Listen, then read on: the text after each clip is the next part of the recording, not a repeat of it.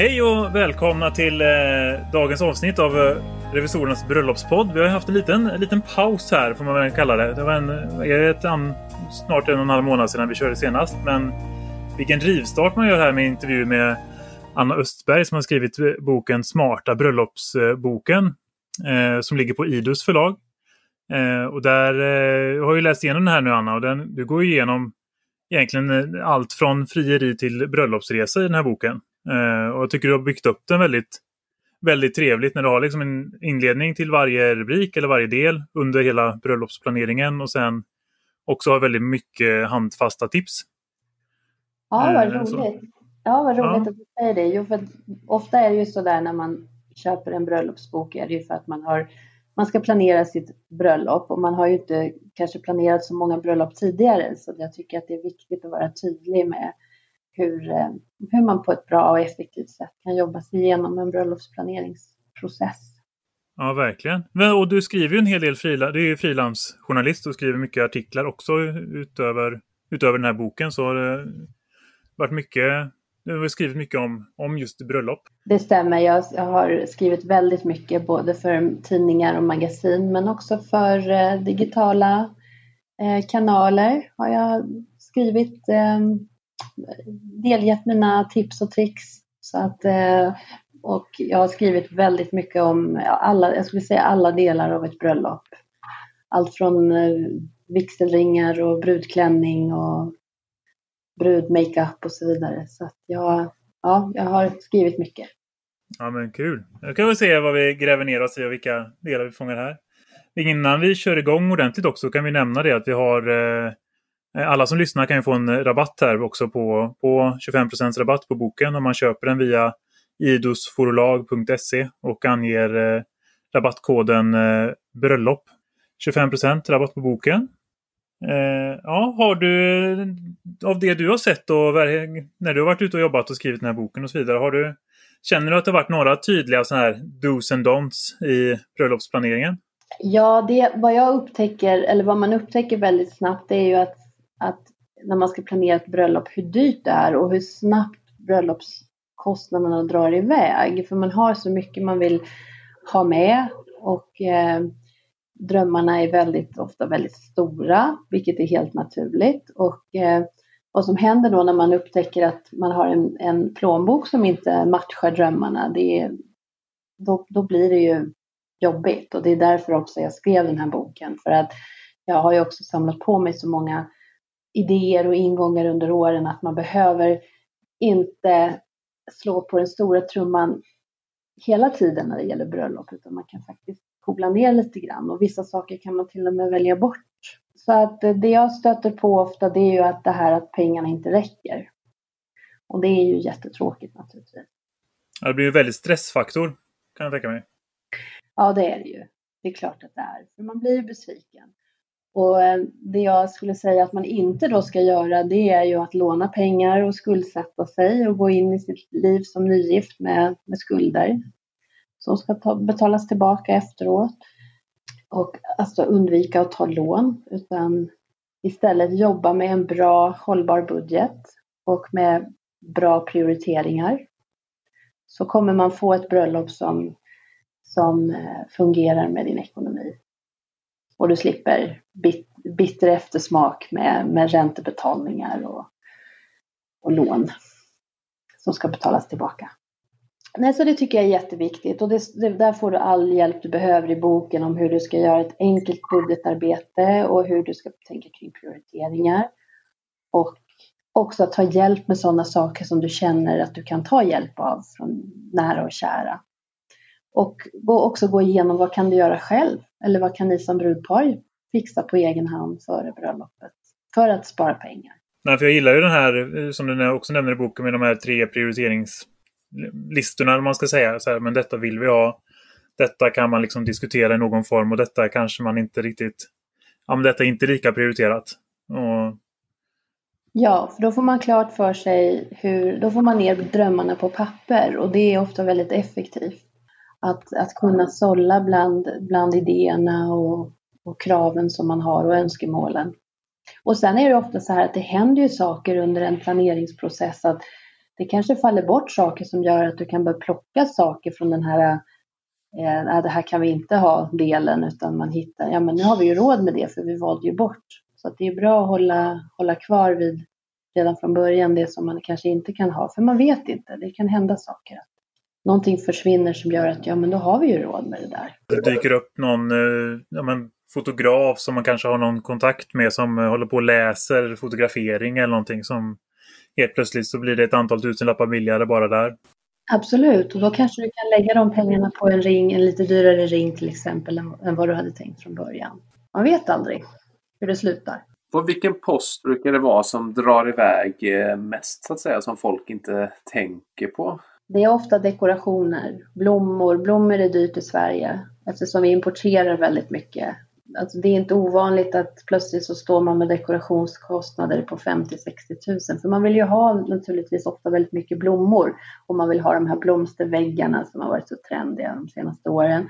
Men det blir väldigt, det är dyrt. Ehm, sen är maten, eh, om man köper, ehm, köper maten så att säga, om man ska ha en trerättersmiddag på en festlokal eller på restaurang, det blir ju dyrt och det är ju kopplat till hur många gäster ni är. Så där kan man ju också fundera på om man kan dra ner antalet gäster före man skickar ut bröllopsinbjudan naturligtvis och se, prova sig fram och tillbaka. Vad kostar det med om vi har 50 gäster eller 100 eller kan vi få en rabatt om vi är väldigt många och ehm, se om det finns någon, någon eh, prutmån där till exempel för att hålla nere kostnaderna. Ja, det är ju bara en sak. Den diskuterar vi väldigt mycket från våran, på vårat, vårat bröllop när det gäller planeringen där. Liksom vilken nivå lägger vi oss på? Liksom, vill vi köra bara sticka iväg vi två eller ska man liksom köra hela faderuttan med alla kusiner och alltihopa liksom? Så det, den är, den, är, den är svår tycker jag. Den är jättesvår en fråga. Men det... Ja, det är det. Och det är bra att ta tag i den redan från början. Så att man har också tid på sig att eh, korrigera och att eh, fatta nya beslut när man inser att nej, men det här blir för stort. Vi måste dra ner eh, skopet lite grann. Men sen är det samma sak med vigselringar. Jag menar, du kan ju betala allting mellan himmel och jord för en vigselring. Eh, du kan hitta väldigt, väldigt dyra brudklänningar. Så att det, det, det är många olika kostnadsposter som kan dra iväg.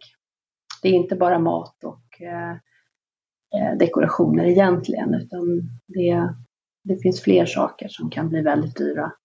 Ja, verkligen. Börjar man se vad, vad som finns på begagnatmarknaden, framförallt på bröllopsklänningar kanske, så där är det ju 10 000 i besparing nästan på nästan från studs. Om man kollar på en halvdyr klänning och hittar en, en, någon som är begagnad. Liksom.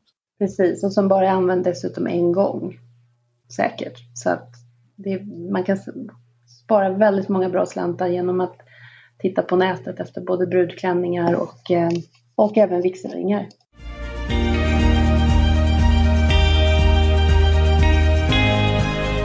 Av det som du har sett, har det varit några speciella grejer som du sett att man det här, det här var, det här stack ut? Det som är roligt där tycker jag, Eh, det är när man väljer en toastmaster som ska liksom leda hela bröllopsfesten från start till mål så att säga.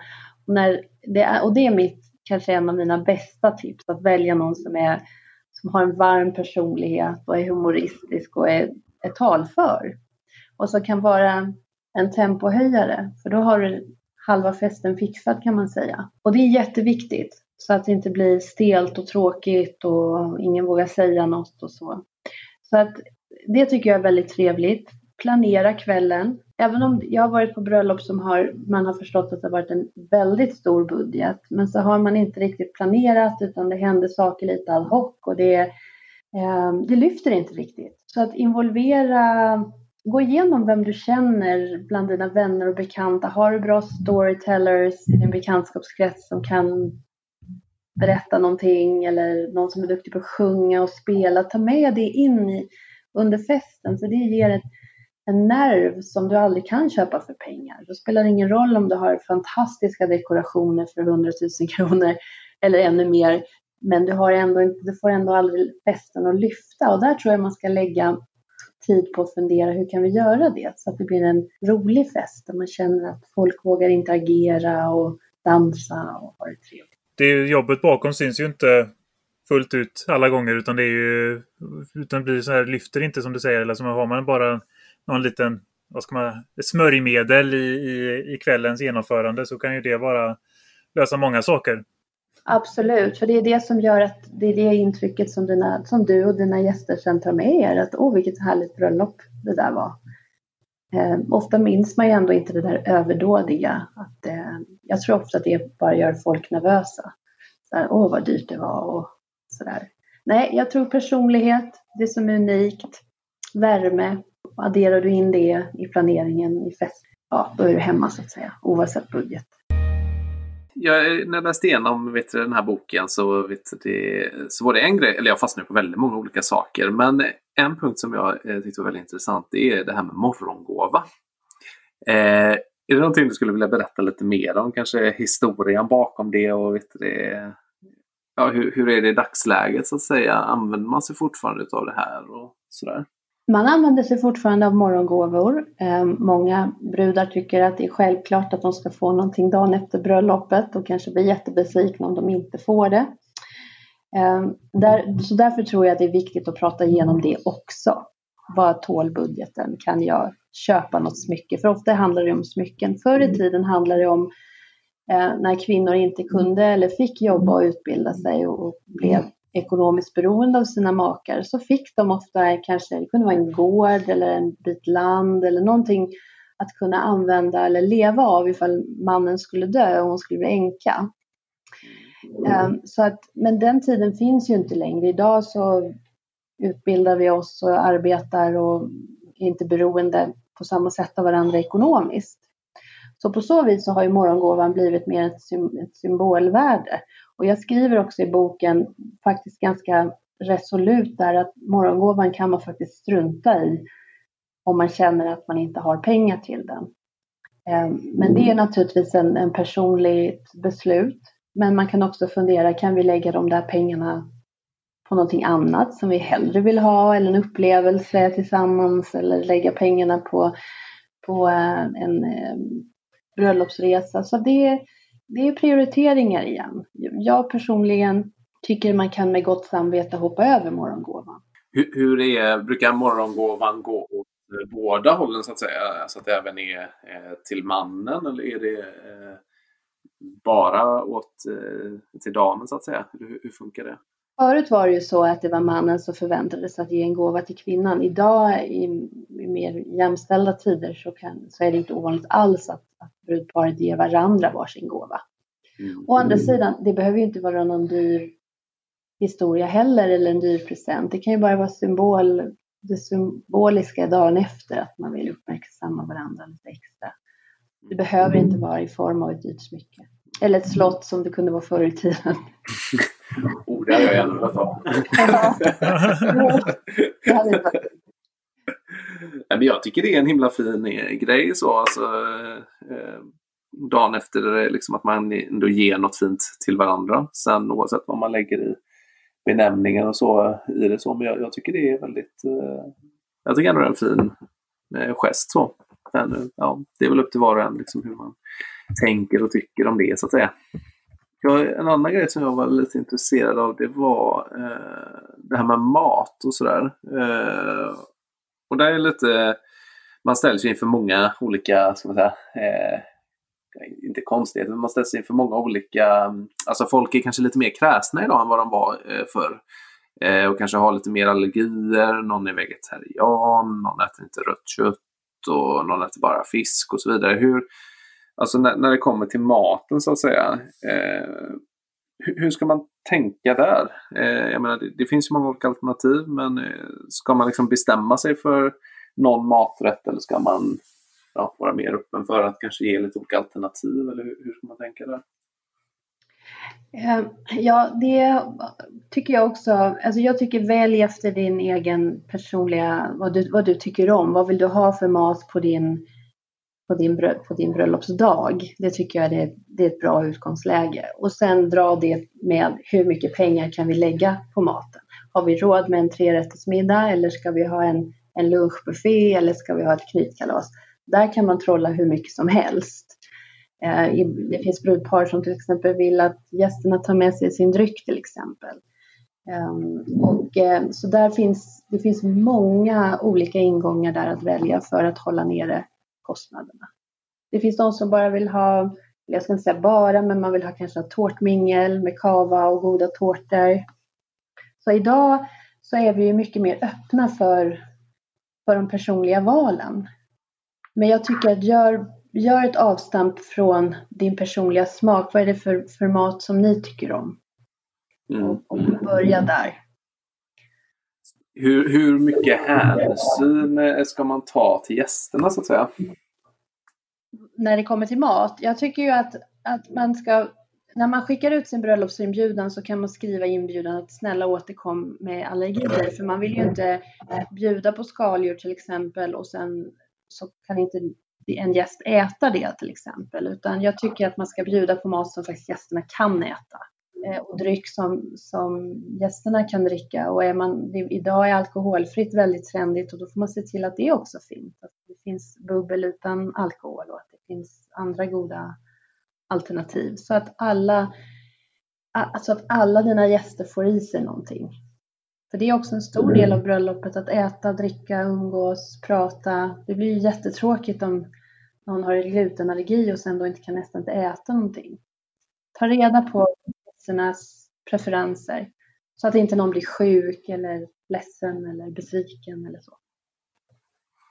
Ja, det är en, en, en variant på en, en middag på eh, hela i samband med bröllopet. För själva vigseln var ganska så, ja men den var runt vid, vid lunch ungefär. Och efter att vigseln var klar så var det egentligen mer en ja, men, enklare picknick med lite vin. I stort sett. Och sen så var det en, en allmän paus eh, i stort sett. Så att eh, de som man kände gick och grejade med något eller åt, åt mat för, på eh, egen hand. Eh, Medans eh, ja, men bröllopsparet var iväg och gjorde sina grejer, eller brudparet var iväg och gjorde sina grejer. Eh, och så var det en samling sen senare på kvällen och då var det egentligen bara tårta, kaffe och bubbel på eh, uppsamlingen.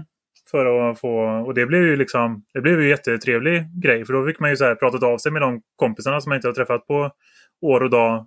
Och samtidigt som det liksom blev en en, eh, men alltså man blev en gemenskap med de andra bröllopsgästerna som man inte kände sedan innan. Absolut, det låter jättetrevligt. Jo, men det, det låter som ett väldigt personligt och härligt bröllop som, som, som du var på. Så att, eh, nej, men det finns flera sätt att göra det på. Jag tror också att det är väldigt viktigt att få in den här värmen och få in de här möjligheterna att, att få folk att prata och umgås och återträffas. Det, som du säger, det kanske man möter människor som man inte sett på många, många år. Och, det ska finnas möjligheter till det. Ofta är ju mat en väldigt bra samlingspunkt på det viset. Man sitter och äter tillsammans och då blir det naturligt att man pratar.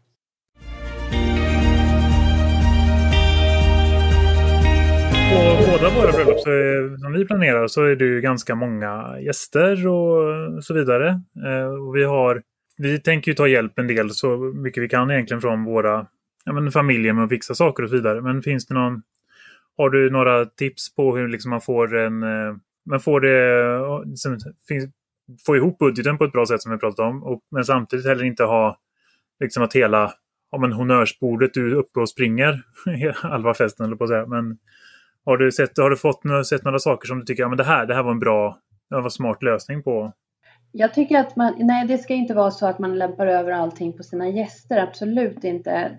Ofta är det ju så att man kanske tar hjälp med saker före bröllopet. Man kanske får hjälp med att göra inbjudningskorten eller montera upp eh, högtalarsystem och så vidare. Men det ska inte vara så att, att ens eh, föräldrar måste vara uppe och springa hela tiden och servera och inte själva få njuta av den här festen, utan då har man ju planerat fel tycker jag. Eh, jag tycker man ska fundera igenom vad är rimligt? Fråga, var lyhörd. Kan du hjälpa mig med det här under kanske under festen. Man kanske har en marskalk eller en tärnor, toastmaster som kan ja, hjälpa till med olika saker. Och att man, men, men att man tänker rimligt. Att det inte blir så att det är en person som ska fixa allting åt dig, utan alla gästerna ska få njuta av, av, av, den här, av, av din fest. Och sen naturligtvis efteråt tacka med värme, gärna ge bort en, gärna ge bort en present eller en blomma som tack till, till, till någon som har hjälpt dig. Och hjälp naturligtvis sen när, när någon av dina vänner ska gifta sig så ja, se till att, att man kan hjälpa till då. Om det skulle behövas med någonting. Men, men hålla sig till rimliga gränser så att säga. Alltså vi har ju olika typer av eh, kontrollbehov i, i eh, hur mycket man vågar delegera och be om hjälp i själva planeringen och kanske då mer få tips på eh, hur vissa saker kan ska genomföras eller att någon håller i, i eh, viss typ av dekoration och någon kanske håller i någon typ av pyntning eller någon typ av eh, blomster, eh, plocka blommor inför bröllopet om det är på sommartid till exempel. Har du sett några, både kanske främst lyckade exempel på när man har delegerat mycket på i samband med bröllopsplanering men även kanske det att ja, men här gick det, inte, gick det inte riktigt så det var tänkt. Och hur man kan eh, lösa det i så fall.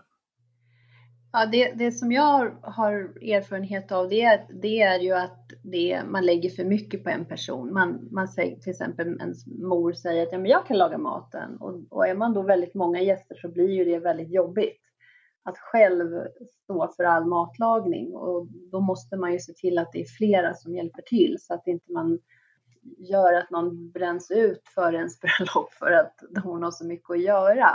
Utan det är Ja, nej, men som jag återgår till tidigare, det måste vara rimliga, rimliga krav. Om någon hjälper dig med att plocka blommor och för att sätta ut fina buketter, även om du känner så här, ja men så där skulle nog inte jag ha gjort det, så får man nog ändå vara lite tacksam att åh, hon gjorde det här för mig eh, och det blev, det blev jättebra ändå. Och har man sådana enorma kontrollbehov att man inte klarar då att någon annan löser en uppgift åt dig, då, ja, då kanske man, då får man göra det själv istället. Men jag tror man ska vara tacksam över all hjälp man får.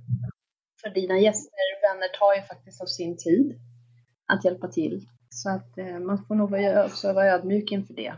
Ja, det stödet är ju alltså, i sak en av de alltså, det finaste bröllopspresenterna man kan få från av ja. nära och kära. Det är ju att de ja. lägger tid och engagemang på, sig, på, på, på, oss eller på sig. Liksom.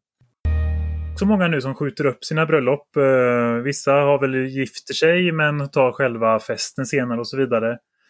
Har du sett någonting, alltså ska man finslipa planeringen ytterligare eller ska man liksom bara släppa den och, och ta upp den igen där man var i, om ett år eller vad det nu kan ta för tid?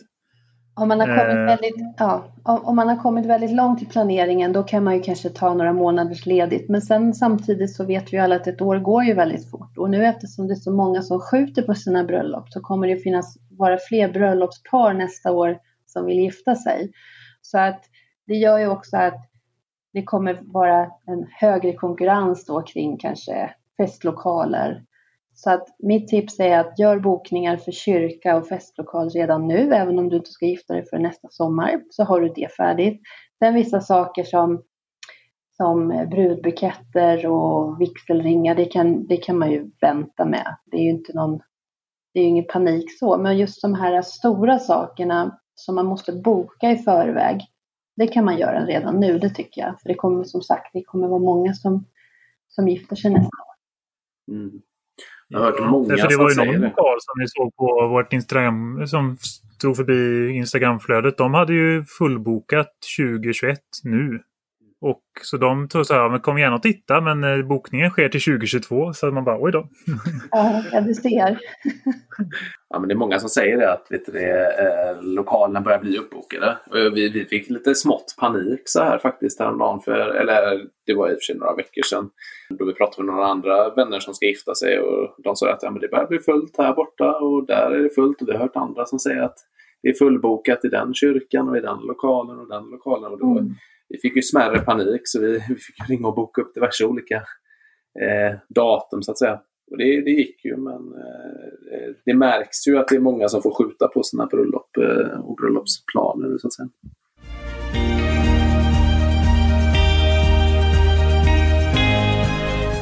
Vi pratade lite kläder förut eh, här också. Har du några ja, vi pratade begagnade bröllopsklänningar, men så har du några enkla, andra enkla poäng att plocka i planering och budget eller ja, bröllopskläder? Jag, jag, tycker, jag skulle nog säga så här för, en, för bruden så eh, är det viktigaste, förutom naturligtvis vad, vad brudklänning kostar, att det, det ska ju naturligtvis vara en, en rimlig kostnad för den naturligtvis. Men att välja en brudklänning som sitter snyggt. Över axlar, bysten, stussen, höfterna. Eh, sen kan man lägga upp och lägga, eller man kan sy upp klänningar och man kan byta dekorationer och så vidare. Men att man utgår från något, en klänning som sitter bra på figuren så att säga. Oavsett vad, vad eh, klänningen kostar så ska den sitta perfekt. Vad gäller brudgummen så tycker jag att eh, om man då inte vill hyra kläder eller köpa begagnat eller, så tycker jag man ska investera i, om man låt säga ska ha eh, det som man kallar för mörk kostym på sitt bröllop. Passa på kanske att köpa en mörk kostym eller en, en eh, kavaj för att det är alltid väldigt bra att ha i garderoben för jobbintervjuer, andra fester, andra bröllop. Mm. Och det behöver inte bli någon, någon dyr historia om det heller, men, men ofta så det är bra att ha. Man kan tänka på det också om man inte vill hyra eller låna kläder. Så köp en snygg kostym. Det, det har man alltid nytta av. Ja, den kommer ju användas. Så är det. Ja, i många andra tillfällen. Ja. Vi kommer ju ha en del, eh, hade ju tänkt att ha barn på, eller att barn var välkomna på våra bröllop. Och vi hade ju, om alla barn kommer, vilket jag inte tror, men då är det ju nästan närmare 20 barn i alla fall på vårat. Har du sett några lyckade här, exempel på där man liksom haft med barnen tydligt i bröllopsfesten?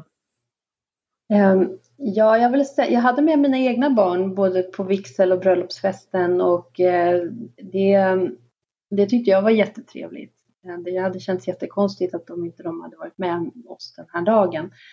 Däremot så skulle jag väl ändå kanske lite varna för att om man, nu hör jag, det låter ju jättehärligt med 20 barn, det är ju helt fantastiskt. Men jag tror att det, alla, det är viktigt att se till att, att det kanske inte eh, blir ett barnkalas av det hela, utan styr upp då med till exempel att ni har ett barnbord på bröllopsmiddagen. Finns det någon tjej eller kille som kan ställa upp som barnvakt eh, är ju det jättebra eh, för att aktivera barnen och Ja, jag skulle säga att skapa en avskild plats för lek och vila. Det kanske finns barn som bebisar som behöver ammas och så vidare. Så att jag tror att man måste göra lite planeringar kring det också. Sen, sen eh, det kanske låter förmätet, men man kan ju faktiskt också välja själv om man vill att det ska vara ett barnfritt bröllop. Och då skriver man det i bröllopsinbjudan så att dina gäster vet redan från i god tid att de ska skaffa barnvakt eh, den här dagen. Ja, men exakt. Framförallt om det är många i släkten som kommer så är det ju antalet barnvakter brukar ju minska beroende på hur nära man står. det blir ju väldigt lätt att det blir väldigt mycket spring. Så att eh, man får ju försöka få, få det i någon typ av hanterbar massa eller vad man ska säga.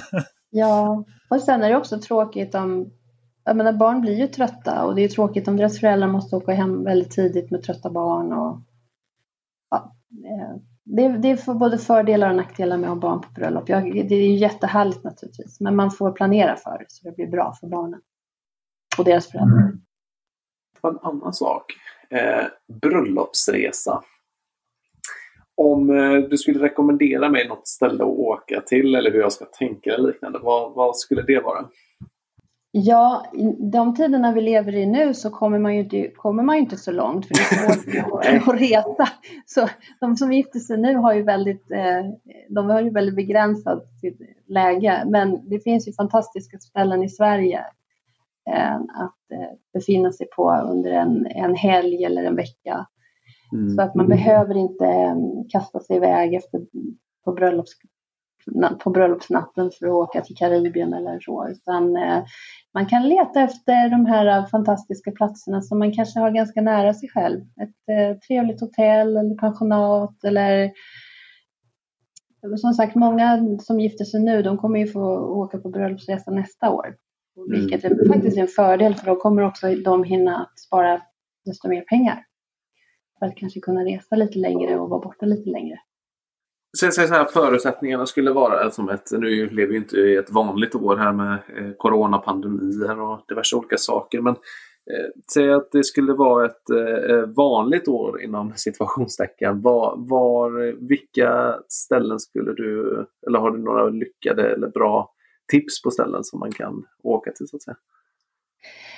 Ja, det beror på också vad, man, vad, är det för, vad är det för bröllopsresa ni vill ha. Är det att ni vill ligga på en strand och vila efter bröllopet eller är det en storstadssemester ni vill ha? Det finns ju fantastiska storstäder i Europa och, och tillbringa några superromantiska dagar i. Mm. Eh, man kan ju åka längre bort naturligtvis om man vill ha strand och sol. Men man kan också hitta väldigt mycket härliga, många härliga ställen här i Sverige som mm. De är precis lika eh, härliga, underbara och fina stränder. Och, så vi bor ju i ett bra land på det sättet. Och, ehm, nej, men jag tror man ska fundera igenom vad är det för destination vi är ute efter. Är det en långresa? Vill vi göra en, eller ibland, det är ju väldigt trendigt nu att göra att ha väldigt mycket upplevelser på sin bröllopsresa. Att man åker på safari eller man vandrar i Vietnam. Eh, du kan ju göra precis i stort sett vad du vill Mm. Förutsatt att du har, har budgeten för det. Men många som köper och läser min bok har ju en väldigt begränsad budget. Och då handlar det ju väldigt mycket om att, att äh, leta där man står. Och, äh, men, och det är många faktiskt som istället för bröllopspresent äh, vill ha, istället för saker, kanske vill ha ett bidrag till bröllopsresan av sina gäster istället för vaser och brödrostar och annat. Det kan man ju faktiskt mm. fråga efter. Har, eh, känner vi att vi har något, missat någonting under stunden här? Eller? Nej, jag tycker att vi har fått med väldigt bra delar, både planering och middag, klänningar, kläder, resa och det tror jag är sånt som många av era lyssnare, det är sådana bitar som man funderar över väldigt mycket. Jag tycker vi har täckt bra de olika, de stora delarna, de stora dragen. Det tycker jag är jättebra rekommenderar verkligen att läsa och köpa den eh, smarta bröllopsboken. Som vi sa i inledningen där så har vi också en rabatt på den. Eh, går man på in på idusforlag.se så är det är rabattkoden bröllop. Då får du 25% på den. Så det tycker jag. Det är mycket, mycket handfasta tips. Så tackar vi dig Anna helt enkelt. Det här var jättetrevligt att, att lyssna på detta. Eller ja, att prata med dig här tänker jag. Tack så mycket. Kul, kul att du ville vara med. Och jag vet inte riktigt hur vi ser, tänker på våran framtid i den här podden, Kristoffer. Men eh, vi, när vi kommer tillbaka här efter sommaren kanske så kan vi göra någon liten statuscheck och lägger upp ytterligare något eh, avsnitt vart vi är i, vart vi är i världen i planeringarna. Absolut. Det är ju som sagt, vi har ju haft det väldigt, väldigt tufft nu med en extremt tuff eh, högsäsong i coronapandemin och eh, det, det har slitit. Så vi, men det ska ju bli intressant här efter sommaren. Då kör vi igång på nytt och som du säger, då kommer vi komma med en liten statusuppdatering. Så det, ja, men det känns bra. Det känns bra detta. Det tycker jag. Ja, men kul. Tack Anna! Och... Tack så mycket. Ja. Ha det så bra.